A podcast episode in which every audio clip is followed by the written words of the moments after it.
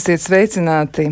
Kā vienmēr, kā labāk dzīvot, sāk savu rītu kopā ar jums studijā Kristiāna Lapiņa, raidījuma producenta Loreta Bērziņa, bet pie skaņa pults Mārtiņš Paiglis. Iespējams gan, ka jūs rīts ir sācies jau agrāk, bet eh, mēs esam šobrīd pievienojušies rītam un mēģināsim rītu iekrāsot ar ar emocijām. Runāsim par to, kā pārvarēt bailes un ko nozīmē bailes mūsu dzīvē. Un eh, gribētu sākt arī šo sarunu, eh, piesakot viesus, un esam aicinājuši piedalīties sarunā šajā rītā krīžu un konsultāciju centra skābas krīzes intervences speciālisti Sanita Laimiņa. Nē, Santu Laimiņu. Man tā vien gribējās piedēvēt vārdu. Citu tā tad vēlreiz. Krīžu un konsultāciju centra skābas krīzes intervences speciālists Santa Laimiņa. Nu tad sveicināt vēlreiz! Labrīt, labrīt. Jā, un vēl esam sazinājušies arī ar psihiatru, psihoterapeitu Andri Veselovski. Sveicināts! Labrīt. Pirms mēs sākam šo sarunu, es gribētu pieminēt kādu aptauju, kur ir veikta vienā no, ja pareizi sakot, publicēta vienā no portāliem, kuru jūs arī paši varat atrast, un uh, to ir izdarījusi rakstniece Inga Gaile, uh, un es arī varbūt nesaukšu uh, aptaujas dalībniekus vārdā, kur ir piedalījušies viņas rīkotajā aptaujā, ja veidotajā aptaujā, un viņi kā reiz ir uzdevuši šādu jautājumu, kā tad ir ar bailēm. Un neat ne, nu, varbūt nesaucot konkrēti vārdus, ja, un, un varbūt neļaut uzreiz arī atpazīt šos cilvēkus, to jūs varēsiet izdarīt arī paši, mēģinot varbūt atrast at, internetā nu, tieši šādus vārdus, arī ieliekot meklētājā aptauju par bailēm, e, un nu, ieliekot varbūt klātu vēl vārdu Inga Gaila, jūs noteikti atradīsiet, kur tas ir un kas ir tie cilvēki, bet dažas lietas es gribētu pateikt, lai mēs varētu sarunu uzsākt, varbūt arī no kaut kā tāda ļoti konkrēta, nu, proti, ka nu, viens no šiem aptaujātiem cilvēkiem ir eh, teicis, ka viņu baida garlaicīga dzīve, policija un 2050. gads. Vēl arī citi ir eh, teikuši, ka visvairāk biedē neziņa un neskaidrība. Tiklīdz ir kāds nezināmais lielums, mans prāts, visbiežāk mana personīga, bez mana personīgā akcepta, uzkonstruē baisākos iespējamos notikumu scenārijus un liek man rēģēt tā, it kā tie norisinātos nevis manā prātā, bet šeit un tagad. Šī iemesla dēļ man biedē neatbildētas īziņas, Nepaceltas telefona klausos, un agrāk satraucošās situācijās es vai nu izvēlējos nevienam nezvanīt vispār, ja, vai arī e, nu, zvanīt 75 reizes pēc kārtas, kamēr adresāts vai nu paceļ, vai viņam izlādēs mobilais telefons, vai arī man pašai varbūt izlādēs mobilais telefons. Katrā ziņā bailes ir daudzas un dažādas. Un te nu man jautājums ir e, Santai Laimiņai, par ko tad runā cilvēki, kur zvana jums, kur zvana uz krīžu centru un kuri arī noteikti runā par bailēm? Ko saka viņi? Jā, Jā, cilvēki noteikti zvanot uh, uz krīzes tālruni runā par bailēm, un uh, mēs vispār šobrīd noteikti varam sadalīt uh, krīžu tālruņa darbību pirms un pēc um, pandēmijas, varētu teikt, ja pirms uh, cilvēki runāja par tādām vispār pieņemtām bailēm, tur uh, bailes, uh, bailes par attiecībām, bailes par tuviniekiem, bailes par savu finansiālo stāvokli. Um, tādas vispārējas bailes, ar ko mēs ikdienā varbūt katrs arī um, sastopamies, tad, uh, protams, šobrīd tas profils ir nedaudz pamainījies, vai es teiktu, pat ļoti pamainījies, un šeit jau nāk tādas um, arī, kā jūs teicāt, šīs te bailes uh, par, uh, par nākotni, uh, bailes par, uh, par saslimšanu, ciešanu, bailes, nu tādas visvarošanas bailes varbūt no nāves, runāt par nāvi, saskarties ar saskarties, saskaršanās ar eh, nāvi, ko, ko arī mūsu zvanītāji piedzīvo. Tajā pat laikā arī uh, bailes, uh, piemēram, no vakcinēšanās, bailes, no, bailes arī no paša vīrusa, jau tāds ļoti konkrēts un specifiskas bailes, kas ir ienākušas mūsu, mūsu ikdienas, ikdienas darbā un, protams, vēl joprojām ar tādas ikdienišķas un ierastas bailes, ko es jau minēju. Jā. Jā, nu tā tad ļoti daudz dažādas lietas, un jūs arī teicāt, ka ir nācis kaut kas klāt, nu tā tad bailes, konkrētas bailes, piemēram, no, no tā paša vīrusa vai bailes arī no slimības, bailes no vakcinēšanās. Cik daudz ir cilvēku, kas zvana? Nu, protams, ka skaitli jūs nenosauksiet, un arī varbūt tas nav nepieciešams, bet, nu, kāda ir tā jūsu izjūta? Nu, tas ir. Kā, kā to varētu aprakstīt? Varbūt? Vai tiešām tā ir, skaits ir pieaudzis, būtiski pieaudzis, varbūt tā es varētu to jautājumu noformulēt. Nu, visdrī, visdrīzāk mēs varam ņemt uh, tādu statistisko vidējo, ja, piemēram, mums ienāk kaut kāds uh, zvanu daudzums, tad visdrīzāk vairāk par pusi un, nāks vēl klāt šīs te bailes par šodienu, ja par šo situāciju, kurā mēs dzīvojam, jo tā ir mūsu, tā ir noteikti mūsu ikdiena, ar ko mēs uh, sastopamies, un, un cilvēkiem, jā, pie šīm ikdienas situācijām vēl nākas. Uh, nu, rīkoties un domāt, kā, kā izdzīvot eh, šajos jaunajos apstākļos, ja un kā viņiem pie, um, tā teikt, adaptēties, ja pielāgoties šiem apstākļiem. Tā kā es teiktu, jā, ka, nu, kaut kur vairāk par pusi, ja mēs tā ļoti ļoti vispārīgi ņemam. Jā, bet tas tomēr ir ļoti daudz. Tātad daudz cilvēku raizējas par to, kas eh, varētu notikt, un arī tādas nākotnes bailes jūs pieminējāt. Arī tas ir tas, par ko viņi raizējas. Nu, un kā ir ar, ar sasniegto rezultātu? Varbūt arī to var jautāt, vai šīs sarunas, nu, tās noteikti ir palīdzošas, bet vai ir bijis tā, ka nu, cilvēks saka, jā, es par to nebiju padomājis, piemēram, skatoties no citas puses. Kas ir jūsu pieredze, kas visvairāk mazina bailes? Nu, ko jūs varētu arī pateikt? Jūs varat arī ieteikt uzreiz, nu, balstoties uz pieredzi, kāda mm -hmm. ir mhm. jums? Mm -hmm. uh, visdrīzāk uh, mūsu darbs uh, ir saistīts ar, to, ar tādu tū, tūlīt un tagad sniegtu, sniegtu palīdzību, kur tās atgriezniskā saite un iespēja uzzināt, uh, ko klients pēc tam ir izdarījis, domājis vai kaut kādā veidā uh, darījis kaut ko savādāk, ir ļoti, ļoti neliela. Uh, bet, protams, tie, tie zvanītāji, kas, kas ar mums padalās jau sarunas laikā, un stāsta, ka jā, iespējams tiešām ir kaut kāds savādāks veids, kā kaut ko izdarīt vai savādāks veids, kā skatīties uz lietām. Tādu, tādi ir, bet, kā jau teicu, jā, tā atgriezeniskā saite ir ļoti neliela. Vai arī, piemēram, cilvēks pēc tam arī var pazvanīt un pateikties, pateikties konsultantiem par, par, par šo sarunu, kas bijusi līdzoša, jo visdrīzāk krīzes situācijā esošs cilvēks nevarēs uzreiz aptvert šīs ta, sarunas palīdzību un tikai pēc kāda laika iestājas nu, kaut kādas sekas, ko viņš redz un kas ir bijušas palīdzības palīdzošs, ja viņš ir izmainījis to savu darbību. Uh, bet uh, manā tādā varbūt uh, perspektīvā, kas tad palīdz pret bailēm, man šķiet pret bailēm palīdz sapratne, no kurienes nāk šīs bailes, kas ir šīs bailes, cik šīs bailes ir pamatotas, tāda realitas uh, saķerē realitāti. Um, kas ir šo baiļu pamatā un, un kas ir arī tādā manā ietekmes zonā, ko es varu varu darīt, ja, jo ir tādi ārēji apstākļi un ir tāda arī, mēs varam skatīties iekšienē, kas, kas notiek ar mani un ja ārējos apstākļus es visdrīzāk varu, uh, varu gan drīz neietekmēt vai ļoti maz ietekmēt, tad visdrīzāk tas, ko daru, jūtu uh, es, ir tas, tas ir, tas ir tas, kas ir manā ietekmes zonā un tas ir arī, man šķiet, labākais veids, kā mazināt tās bailes, ja, saprast, uh, cik viņas ir reālas, ja, un ko es šit, šajā situācijā varu darīt, un kādi ir mani resursi.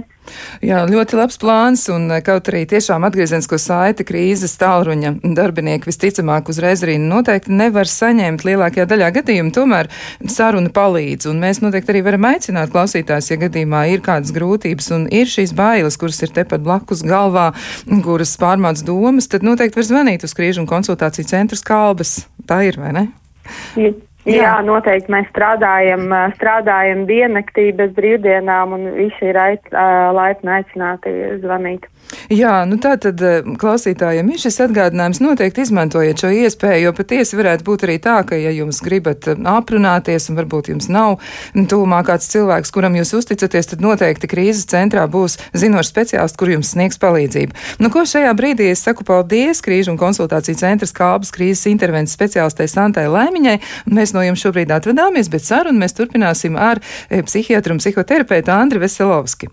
Un, nu, gribētos uzreiz arī Andrim eh, Veselovskim uzdot jautājumu, nu, kā tad ir, ko bailes vispār par mums pasaka? Kāda ir baiļu nozīme, ja baiļu funkcija? Varbūt sāksim ar to, kāpēc vispār mēs izjūtam bailes. Nu jā, baiļu funkcija ir pabrīdināt, ka ir bīstamība, Jā, piemēram, slidens ceļš, jā, mēs sajūtam bailes un braucam lēnāk. Vai ir uh, vīrus, jā, tad mēs uh, pētām situāciju, nobīstamies un pieņemam racionālu lēmumu. Jā, un, un te ir svarīgi, lai to baiļu intensitāte būtu nu, tāda ne par mazu, ne par lielu. Jā, tā, tā tad vidusceļš ir vienmēr tas labākais, kas palīdz izvēlēties racionālo lēmumu. Jā, un ja ir par maz baiļu, ja piemēram cilvēks vispār nepiesargājas un nonāk uh, nepatikšanās, vai arī, ja pārmērīgi baidās, tad arī sastingst, jā, vai, vai pieņem kaut kādu nepareizu, neracionālu lēmumu. Jā, nu, ir arī tā, ka bailes ir ļoti, ļoti dažādas, kā min arī mm, Ingas Gailes uzrunātie cilvēki, un viņi saka arī par to, ka, nu, ir, ir, ir arī tā, ka bailes mainās, jā, nu, viena no aptaujātajām radošajām personībām ir teikusi tā, ka man ir bailes dzīves laikā m, mm, bijušas ļoti dažādas, jā, un tā tad arī bailes ir sekojušas un mainījušās, sākot no tā, ka baila palikt ciemos pie vecvecākiem bez savu mīļotā rotaļa zaķīša, bailes no tā, ka nomirs mani vecāki, Bailes no tā, ka skolā kāds smiesies par mani, bailes no tā, ka neatradīšu īsto mīlestību, bailes no tā, ka palikšu bez darba, un bailes no tā, ka kaut ko sajaukšu vai izgāzīšu kādu pasākumu, bailes no tumšiem parkiem, ja, caur kuriem jāiet uz mājām, bailes no tā, ka mīļotais cilvēks neceļ klausuli, jo visdrīzāk viņš ir nevis kaut kur ar kaut ko aizņemts, bet tieši šobrīd mirst. Kā tas nākas, ka mēs eh, aizvedam sevi līdz tādām ļoti spēcīgām bailēm? Kas tur strādā mūsu galvā? Mm. Ok, tad mēs varam sākt uh, no dzimšanas. Jā. Zīdainam ir svarīgi, lai vecāks ir blakus. Un, un tikko mamma vai tētis uh, aiziet uz citu istabu, jā, mazulis sāk nobīstās, sāk raudāt. Jā, tā tad bailes palīdz šo uh, drošību atjaunot. Un uh, pamazām cilvēkam augot, viņš uh, pierod, ka vecāks varbūt lielākā attālumā, jā, vai e, ir, piemēram, e, plīšu lācīts vai kāda rotaļlieta, kas e, kā palīdz šīs bailes mierināt. Ja, tā tad uh, vecais, drošais, zināmais ir sākumā, un pēc tam mēs trenējamies jaunā situācijā, neparedzamā bērnu dārza skola, pēc tam lielā dzīve ceļojumi aizvien tālāk no zināmā, paredzamā. Ja, un, un te mēs arī nonākam pie tām bailēm, ko jūs minējāt sākumā, kas ir šobrīd bailes no nezināmā. Ja, kas ir varbūt šajā situācijā, šajā krīzē raksturīgi, Nu, un tāds diezgan jauns, jā, jo mēs nezinām, kā tas vīrus ies, kā tā pandēmija ies. Un, un te recepte būtu nevis uh, gaidām, uh, ka vecā dzīve atjaunosies. Uh, un, uh, tā kā jūs minējāt, ka tam cilvēkam, uh, kad viņš nezina, jā, tad viņš kaut ko gaida un prātā vairojās tās baiļu idejas tad tā vietā, lai nevairotos, jā, ir, nu, piemēram, koncepts pieņemu nezināmo, tikšu galā, adaptēšos, eh, mācos eh, pieņemt nezināmo, pierodu pie jauniem apstākļiem, un arī ļoti svarīgi, lai tās bailes nevairojās, tad pa solītim daru uh, to, kas man tagad ir zināms. Jā, piemēram, pēdu brokastis, aizvedu bērnu uz dārziņu, jā, eju uz darbu, tur sazvanos ar draugu, eju pastaigāties. Uh, lai šajā tukšajā, nezināmajā telpā nevairotos bailes, jā, tad, tad tur mums ir uzmanība uh, jāpārvieto uz kaut ko zināmu, pozitīvu, jā, vai arī kaut vai piemēram, eh, ieslēdzam YouTube kaut kādu video, mācāmies dejot, jā, liekam kaut ko jaunu, pozitīvu. Tad mēģinām aizpildīt eh, nu, to, to savā ziņā to nepārraudzīto tukšumu. Tā sanāk. Ja, jā, ja tur eh, tā ieviešās tās bailes, jā, ja tur, jo, jo bailes no nezināmā ir dabīga lieta atkal, jā, tā tad bailes ir tā kā nu, instruments, kas testē, jā, kas tad te tajā nezināmajā ir. Jā, esi uzmanīgs, uzmanīgi e, paskaties. Jā, un, un te Uh, nu, šobrīd, uh, cik es redzu, ir uh, nu, milzīga tāda arī mēdījos pārāk liela baidīšanās un, un arī biedēšana. Uh, jā, līdz ar to nu, arī jāskatās, uh, cik mēs skatāmies mēdījus. Jā, varbūt uh, paskatos, uh, redzu mm, tos jaunos likumus, kāda ir situācija, kā rīkoties, bet uh, skatos kaut ko, kas uzlabo garastāvokli. Jā, ja tas uh, pārāk uzvelk, ja tas sabiedē, ja, ja um, rodās par daudz baiļu vai par daudz dusmu, uh, tad daru kaut ko, kas mierina. Jā, pretstats uh, bailēm ir mierinājums. Jā, tā tad, jā.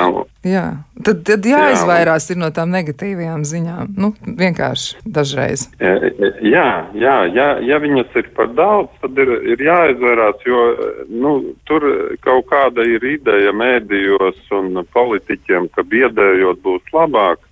Bet, nu, es domāju, ka tas tā nav. Jā būtu vairāk jābūt kaut kāda mierinoša informācija, kā rīkoties tādā gadījumā vai kā rīkoties tādā. Tiksim galā, ja, ja saslimsim, tiksim galā, um, ja krīze tur ievilksies, ja tiksim galā ar lockdownu. Jā, tie, tie būtu kaut kāda tāda mierinoša attieksme un, un labi, ka ir raidījumi, jā, kuri palīdz cilvēkiem saprast, kā tikt galā. Eh, bet uh, mierinājums ir uh, nu, zāles uh, pret bailēm, vai nomierināšanās ir zāles, vai, vai nu, kaut kā laba darīšana, ja, pastaigā ar draugu. Ja. Mhm. Jā, nu tā tad eh, kaut kas, ko mēs arī varam pārvaldīt un paši ietekmēt, tas arī laikam būs tas, ko m, mm, iepriekš mēs pieminējām nu, par tiem eh, iespējamiem faktoriem vai nosacījumiem, ko mēs paši varam ietekmēt un kas ir mūsu pārvaldībā. Jā. Nu, jā, arī klausītāji pievienojas, viņi arī saka, ka mēs dzirdam pārsvarā negatīvas ziņas par Covid, par stāvokli uz robežas, ar Baltkrieviju cenu kāpumu un rodas bailes par rītdienu. Un, protams, tāds jautājums, kā lai palīdz sev un uz ko tad paļauties. Nu, tātad viens risinājums varētu būt mierinoša informācija organizācija vai cilvēki, kuriem mēs uzticamies un kurus sniedz atbalstu, bet nu, kā vēl mēs varam sev palīdzēt, ko mēs vēl varam darīt? Nu, nu, nu jā, nu, šobrīd tā situācija, nu, kaut vai paskatāmies, jā, kad, kad tie nomirušie, nu, viņi nav tur dramatiski vairāk kā citos gados, jā, kā, protams, ka problēma ir daudz, jā, bet viņas visas ir risināmas, un, un sev palīdzēt tiešām redzot, kā jūs teicāt, kas ir manā pārvaldībā, jā, es varu pastaigāties, es varu darīt savu darbu, jā, nu, jā, protams, ka tiem, kam darbs ir zudis šobrīd, jā, nu, skatos, vai varu dabūt kompensāciju, vai varu atrast, meklēju atrast citu darbu. Jā, bet uh, tikšu galā, jā, ka tikšu galā turēt uh, cerību uh, un uh, nu, tiešām uh, tā informācija, acīm redzot, mēdījiem, uh, viņa dot uh, ienākumus, jā, ka cilvēki klikšķina un skatās un, un mm, nu, uh, tas kaut kā. Uh, nu, es nezinu, ir eskalējies, bet, bet ka to nevajag tad uh, skatīties, bet uh, redzu, ka tieku galā ar šodienu, tāpat tikšu galā ar rītdienu. Jā, un uh, tādiem maziem solīšiem uh, eju uz priekšu, adaptējos, tieku galā. Jā, kara, kara nav, jā, bet ir tāds varbūt uh, emocijās, tā kā karš. Jā, vēl viena lieta, kur nevajadzētu iesaistīties, kur ir tie strīdi, piemēram, tādi asiņainie Facebookā vakcinēties, nevakcinēties, tur izglītoti, neizglītoti. Labāk nu, neiesaistīties, jā, ne, nededzināt enerģiju, nepatērēties. Jā, tas tāds, nu, tā kā iesaistīties kautiņā, jā, kur, kur visi dabūja kaut kādus traumas, zaudējumus, nu, pilnīgi lieki. Vienkārši domāju, ko es racionāli varu darīt. Jā. nevaru tur ietekmēt, piemēram, nevakcinēto skaitu, tad daru savā darbā to, ko varu. Jā, mīlu savu tievu, savu bērnu, jā, ejam pastaigājamies, nezinu, taisam remontu mājā pamazām. Jā, tā tad balstamies uz nu, realitāti te un tagad.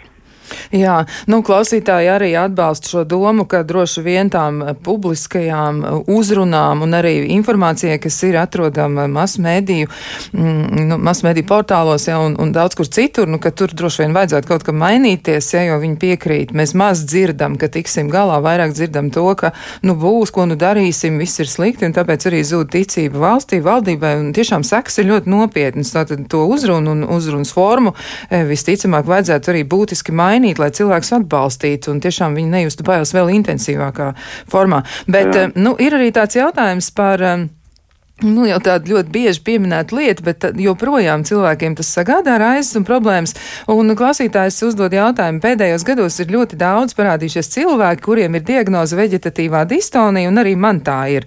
Jā, nu, laikam Jā. mēs lietojam apzīmējam panikas traucējumu, trauksme, panika, ja, bet nu, veģetatīvā Jā. distonija tas ir tas, tas pats būtībā, bet ļoti bieži izmantots apzīmējums. Mm. Un klausītājs saka, ka distonija izraisa daudz stiprākas bailes. Piemēram, bailes no suņiem vai čūskām mēs spējam kontrolēt, bet veģetatīvās distonijas bailes ir īpašas un neaprakstāmas. Teikt pat nekontrolējams bailes līdz ģībonim. Un nu, viņš aicina arī par šīm bailēm mazliet parunāt, nu kā tad ir, jo tiešām tas ir ļoti, ļoti grūti. Jā, tā tad um, bailes ir. Um, um, nu, būtībā tas ir bio, bioloģiska reakcija. Jā, reaģē e, neironi, e, jā, smadzeņu šūnas, viņas izdala vielas un sūta impulsus. Jā, un tie impulsi aiziet uh, pa nerviem, un tā skaitā par veģetatīvo nervu sistēmu. Un veģetatīvā nervu sistēma viņa regulē, nu, piemēram, asinsvadu tonusu, vai mēs paliekam bāli, nosvīstam, vai mēs paliekam sārti, jā, un uh, var, uh, un paralēli iet kaut kādi karstumi, augstumi, uh, sirdsklauves, um, uh, sāpes vēderā, um, pātrinās elpošana, jā, tā tad Uh, nu, tātad sākums ir šī bioloģiskā reakcija, ja, kur atkal tā funkcija ir, nu, piemēram, mēs ieraugam vilku vai suni, ja, un, un ķermenim ļoti ātri jāmobilizējās vai jāskrien, ja, vai jāsastingst un jāpaslēpjas. Ja, un viņš reaģē. Un, eh, ja ir kaut kāda pārslodze, fiziska, emocionāla, eh, nezinu, arī mēs saslimstam, jā, tur vīrus, eh, tad šī sistēma reaģē, un viņa reaģē pārmērīgi. Un, un vēl, kas ir tāda nelaime, ka tā veģetatīvā nervu sistēma Nu, ja sākumā ir kaut kāds biedējošs faktors, tur, nezinu, čūska, jā, vai tas pats suns, vai, nezinu, priekšnieks lamājās, tad, uh, nu, bieži notiek tā, ka viņa sāk, nu, tā kā tāda sabojāta signalizācija ieslēgties. Jā, un viņa ieslēdzas pati no sevis. Cilvēks uh, sēž parkā uz soliņa un pēkšņi karstums, vai sirds sāk daudzīties, vai sajūta elpas trūkst, ja tūlīt nomiršu. Un, un tas uh, cilvēku ļoti, ļoti biedē, jā, jo uh, veģetatīvo nervu sistēmu mēs, nu, kaut ko varam kontrolēt un kaut ko nevaram, jā, bet pie veģetatīvās distonijas viņa tā kā, nu, aizvien vairāk kā ārpus kontroles darbojas. Ja, un izēja ir atkal um, mācīties nomierināties, ja, un uh, parasti uh, ir uh, dažādas elpošanas tehnikas, ja, piemēram, elpo lēnām ar vēderu, uh, uh, lēnām ielpa, piemēram, viens, divi, trīs, četri, uh, un uh, vai sajauca ieelpa 1, 2 un izelpa ir garāka. 1, 2, 3. Ja? Un, un tad, um, tad mēs mācāmies nomierināties. Jā, un uh, dažādas šīs relaksācijas tehnikas, apziņotības tehnikas, meditācijas. Tātad uh, cilvēks mācās nomierināties. Uh, jā, lēnām pēlpo, pastaigā, jā, redz, ka nekas ne, nenotiek, padzer ūdeni. Uh, nu, un uh, sanāk, tā kā ir jāmāca ķermenis nomierināties. Jā, bet, bet šis tiešām vegetatīvā distonija piedar pie neirozēm. Un ja, ja pirms simts gadiem dāmas tur ģība, jā, taisīja histērisko tiltiņu vai tur m, palika locekļi, nekustīgi roka kāja, tad tagad varētu teikt, tas tā kā ir modē, jā, jā, ka tā satraukums, pārslodze uh, izpaužās kā vegetatīvā distonija.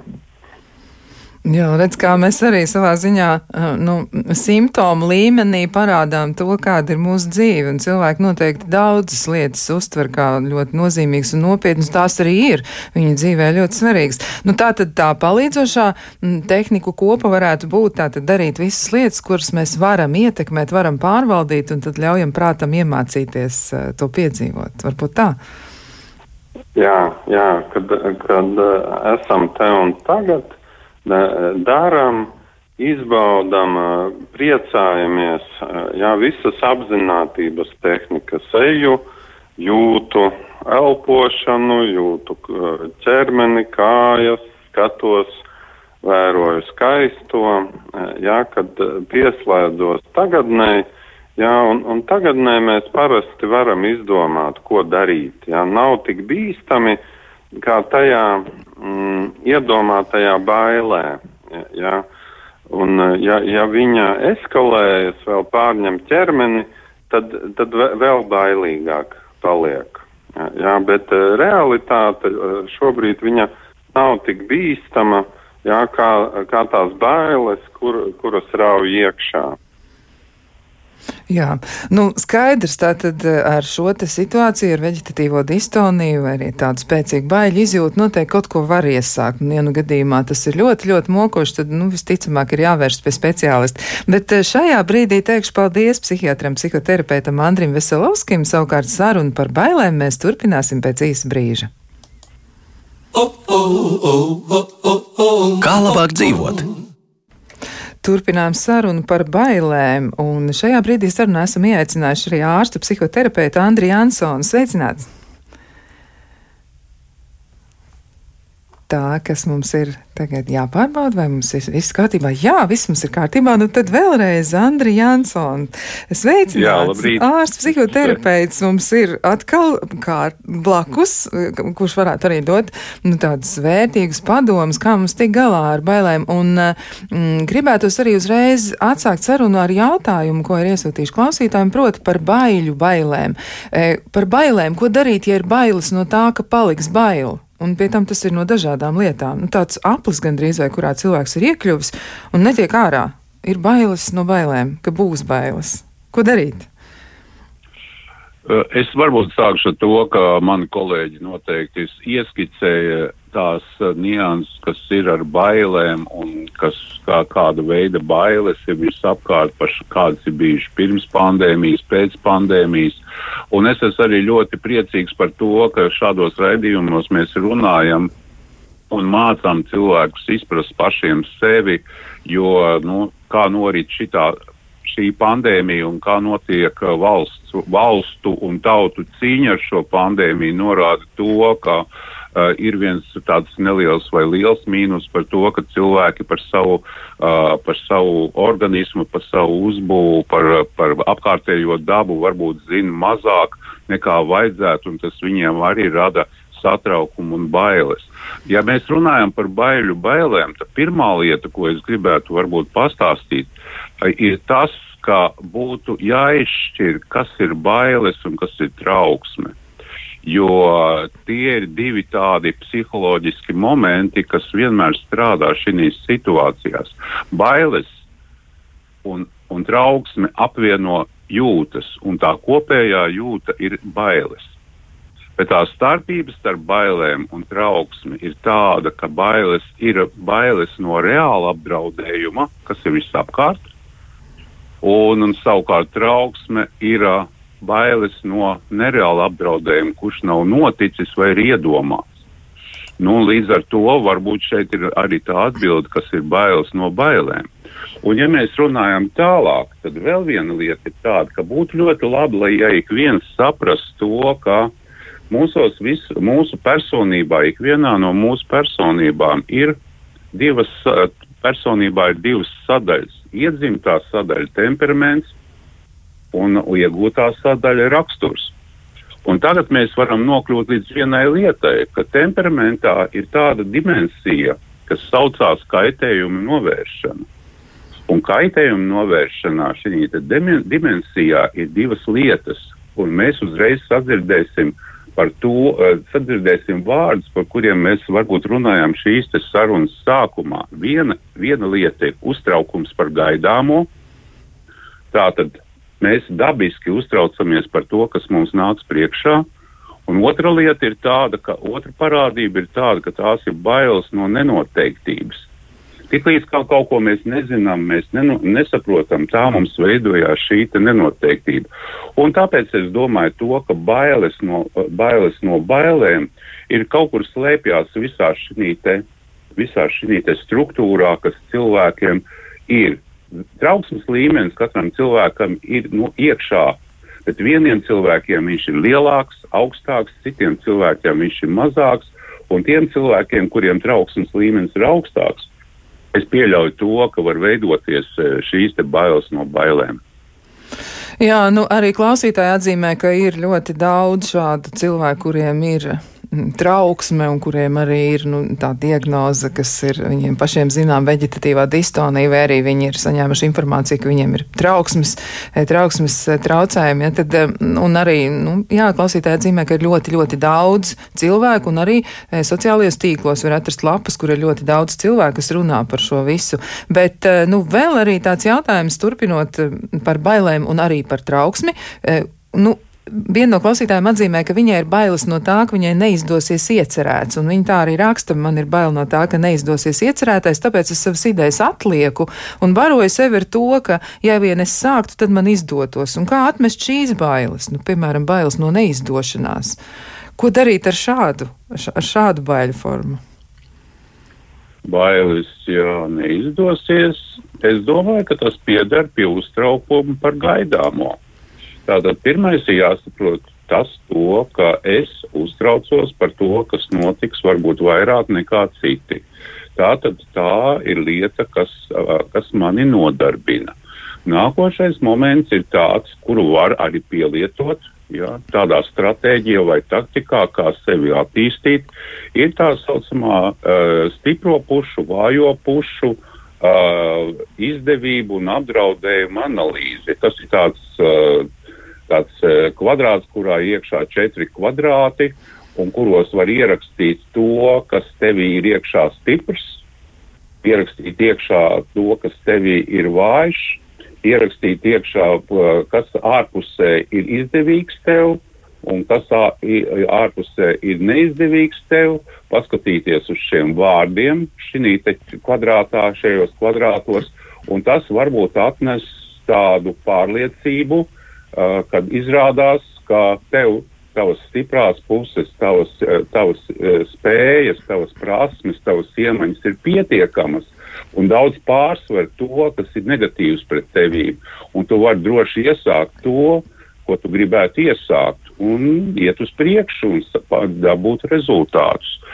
Šeit es vēl gribētu tad, tad vēlreiz akcentēt to, ka ir liederīgi arī cilvēkam ikdienas un darba dzīvē un tā tālāk nodarboties ar to, ko pārsvarā agrāk pielietoja biznesa analīzēs, tā saucamo strengths, weakness, opportunities and threats vai SWOT analīzi, to ik viens cilvēks var pielietot arī savā darba un ikdienas dzīvē.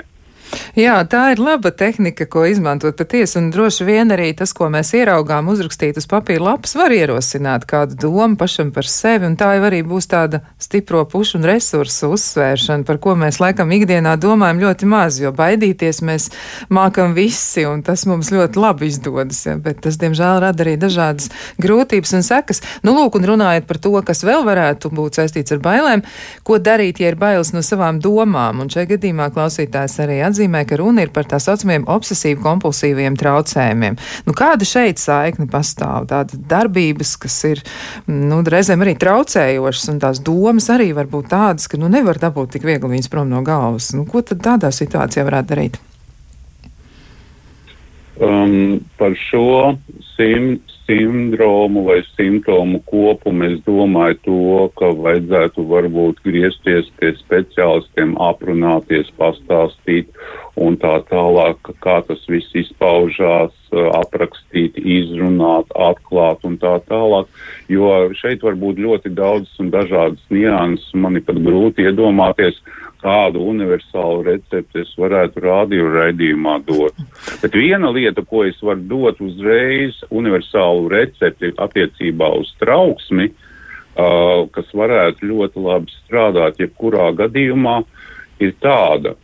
Ja cilvēks saka, man ir bailes, bet patiesībā viņš saka, man ir trauksme, un patiesībā viņš saka par to, ka man ir bailes no nezināmā, vai no sagaidāmā, vai no nenoteiktības, uzdod sev vienu vienkāršu jautājumu. Ko es darīšu, kad būs vissliktākais scenārijs? Jā. Un tad mirklī, kad cilvēks izdomā, ko viņš darīs, kad būs vissliktākais scenārijs, tad brīnumainā kārtā viņa psihe, viņa organisms un viņa personība mobilizējās, nomierinās un viņa trauksmes līmenis samazinās, un viņam it kā atverās acis. Uh, nu, tā ir sagadījies to, ka es šo te tehniku šad un tad nu, pēdējā laikā uzdodu saviem pacientiem uh, sesijās, un viņi ir pārsteigti par šī vienkāršā jautājuma, varbūt tādu nu, efektīvu darbību. Nu, tā. Tas ir tāds praktisks padoms. Jā, tā tad katastrofa iztēloties katastrofisko scenāriju, kur visļaunākais jā, ka, varētu notikt. Jā. Jo, jo, jo, jo, jo visa tā mūsu dzīves būtība ir tāda, ka mēs katru dienu, katrā, katru dienu, katru stundu, katru minūti pieņemam kaut kādu lēmumu. Un vienmēr mums ir da jāpieņem daudz un dažādi lēmumi. Un, un, un mums veidojās dažādi scenāriji, un tad tie scenāriji mums ir tāds scenārijs un šāds scenārijs un trešais un ceturtais scenārijs, un mums ir jāizvēlās, kurš scenārijs būs mūsējais un kādā veidā mēs pieņemsim šo lēmumu, un tas viss ar to viss ir saistīts. Tā. Jā, nu atgriežoties arī pie tā, kādas varētu būt baiļu e, sekas un iespējams arī trauksmes izpausmes un, un e, nu, tādas savstarpēji saistītās lietas, e, mēs jau mazliet pieminējām to, ka veģetatīvā nervu sistēma var reaģēt un tā tas arī notiek baiļu situācijā un tad, kad mēs saskaramies ar būtiskiem izaicinājumiem. Bet, nu, jautājums ir no klausītājiem arī tāds, nu, kā varētu likvidēt trauksmes radīt paaugstināt muskuļu sasprindzinājumu un, protams, ka tā rezultātā rezultātā arī ir paaugstinājies asinsspiediens un kādas metodas vislabāk mēs varētu lietot. Jo klausītājiem arī ir vēl kāds jautājums, vai varētu palīdzēt meditācija, piemēram, šādās situācijās. Nu, ko mēs varētu iesākt, kā mēs varētu praktiski ar to darboties? Uzreiz varu teikt to, ka es zinu un esmu redzējis, kā izskatās joga, kā izskatās meditācija, um, uh, sevis apzināšanās, un es zina to, ka mani kolēģi un zinātnieki to iesaka kā vienu no ļoti ietekmīgiem līdzekļiem, lai nomierinātu satraukto prātu un satraukto dvēseli. Tātad tas būtu tikai un vienīgi atbalstāms. Jā, tad, nu, ja mēs, jā, tā tad uz jautājumu. Tā, tā, tā, mm -hmm.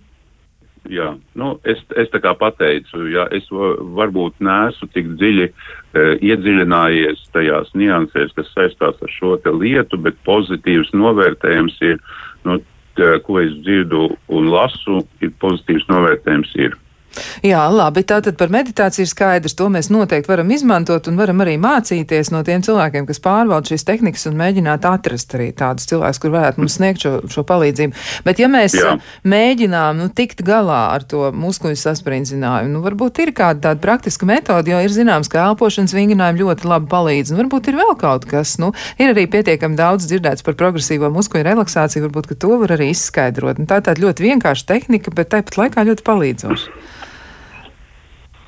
Es, man, būs, man būs grūti komentēt šo te, šo te jautājumu, jo nu, es vairāk esmu saskāries ar to, ka cilvēki, kuriem ir pānikas lēkmes un trauksmes stāvokļi, mēs vairāk runājam par lietām, kas, kas izraisa šo trauksmi, kurš vēsturisks moments ir veidojis to, ka viņa, viņa dvēsele kļūst ļoti, ļoti trauksmaina, kas ir palaidēja mehānismi, kādas uh, medikamentus viņa lieto, uh, cik ne, bieži viņi nepieciešami, vai viņi tur iztiek, no, uh, iztiek bez medikamentiem vai neiztiek, vai tā.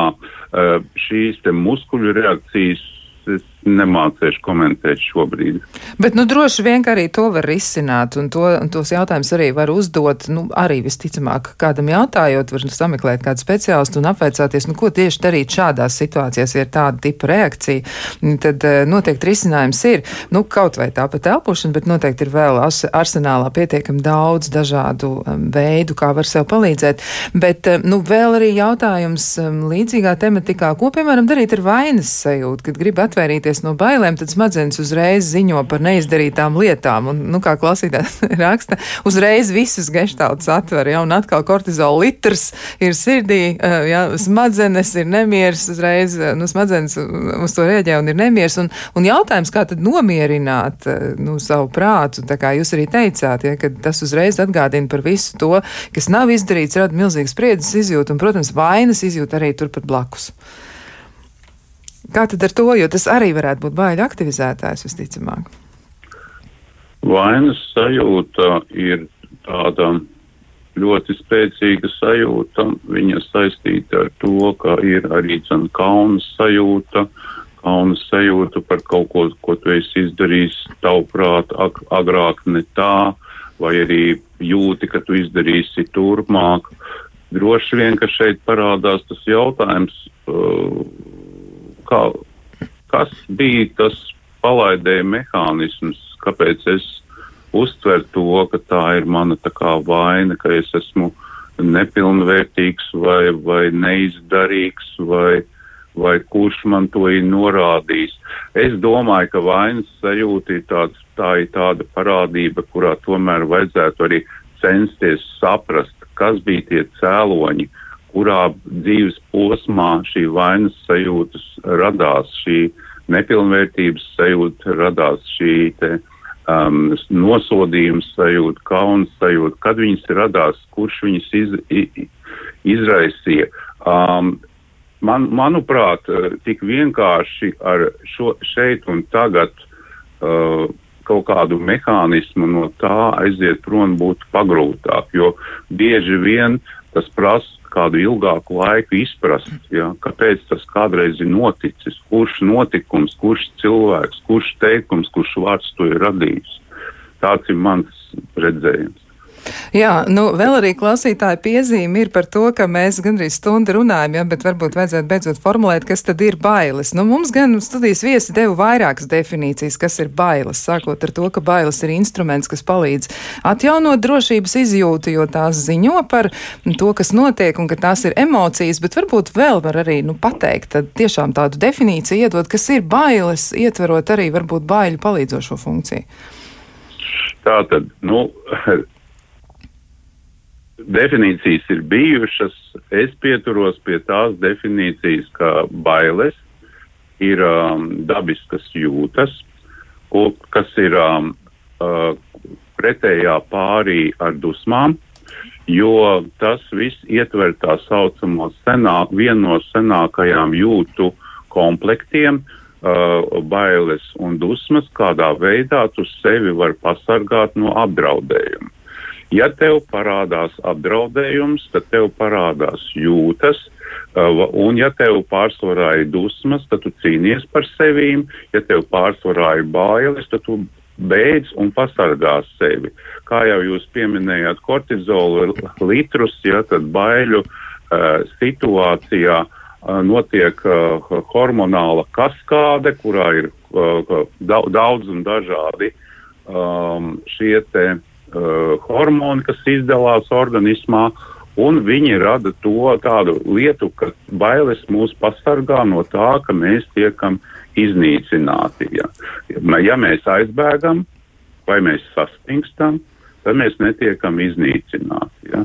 Tāds, tāds, tāds ir tas stāsts ja, par, nu, par, par, par šo te. Par, par bailēm un bailes ir jūtas. Ja. Un jūtas ir uh, ļoti derīgas, jo bez jūtām mēs neizdzīvot šajā pasaulē. Jā, un ir arī dzirdēta tā definīcija, ka, ka emocijas un ietverot arī bailes ir signāla sistēma, kas ļauj mums, mums rīkoties, saprast, izpētīt sevi. Bet, nu, vēl pēdējais jautājums, ko mēs varam pagūt uzdot, ir lielas bailes no zobārsta. Kādai klausītājai viņa raksta ar gadiem netiek ar to galā, jo pusaudzes gados ir bijusi negatīva pieredze. Nu, kā tad atrisināt šo problēmu? Ļoti sarežģīta problēma. Jā. Tā ir ļoti sarežģīta problēma. Tur, tur droši vien e, spēlē lomu medicīnas darbinieku prasme un pieeja šādam cilvēkam, e, jo nu, šīs bailes no nepatīkama atgadījuma pagātnē var sēdēt cilvēkos līdz pat desmitiem gadu, ja es to varu teikt, ja tas droši vien jāatrod ir savs speciālists. Nu, jā, jā. Tāds atbalstošs, tiešām jauks cilvēks, kurš arī palīdzēs to pārvarēt, jo patiešām tā ir nu, zobi. Droši vien ir jāuzrauga, kā, kā tur tiem klājas un par tiem jārūpēs. Un, un tad jāsameklē tiešām labs speciālists, kurš var palīdzēt justies labi un iespējams arī ir vērts izrunāt ja, to baiļu nu, vēsturi, varbūt tā. Jā, nu, ir arī tādi ļoti jauki ieteikumi no klausītāja puses arī par vainas izjūtu, ja, ka tad var vērst par labu, visu atdarot ar labu tagadnē, ja, un tā teikt, izpirkt, izpirkt uh, vainas izjūtu šādā veidā, un arī jāatrod zobārsts, kam uzticēties, ja, tad jau runā par bailēm no zobārstiem.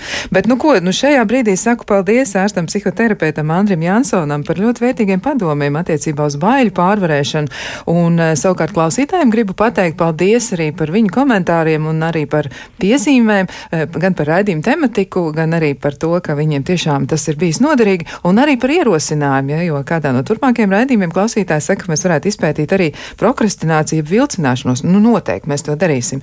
Nu, šajā brīdī saku jums visiem pārējiem un arī klausītājiem milzīgi paldies par to, ka bijām kopā, un tiksimies kādā citā reizē, lai jums skaista diena un izdodas pārvarēt bailes.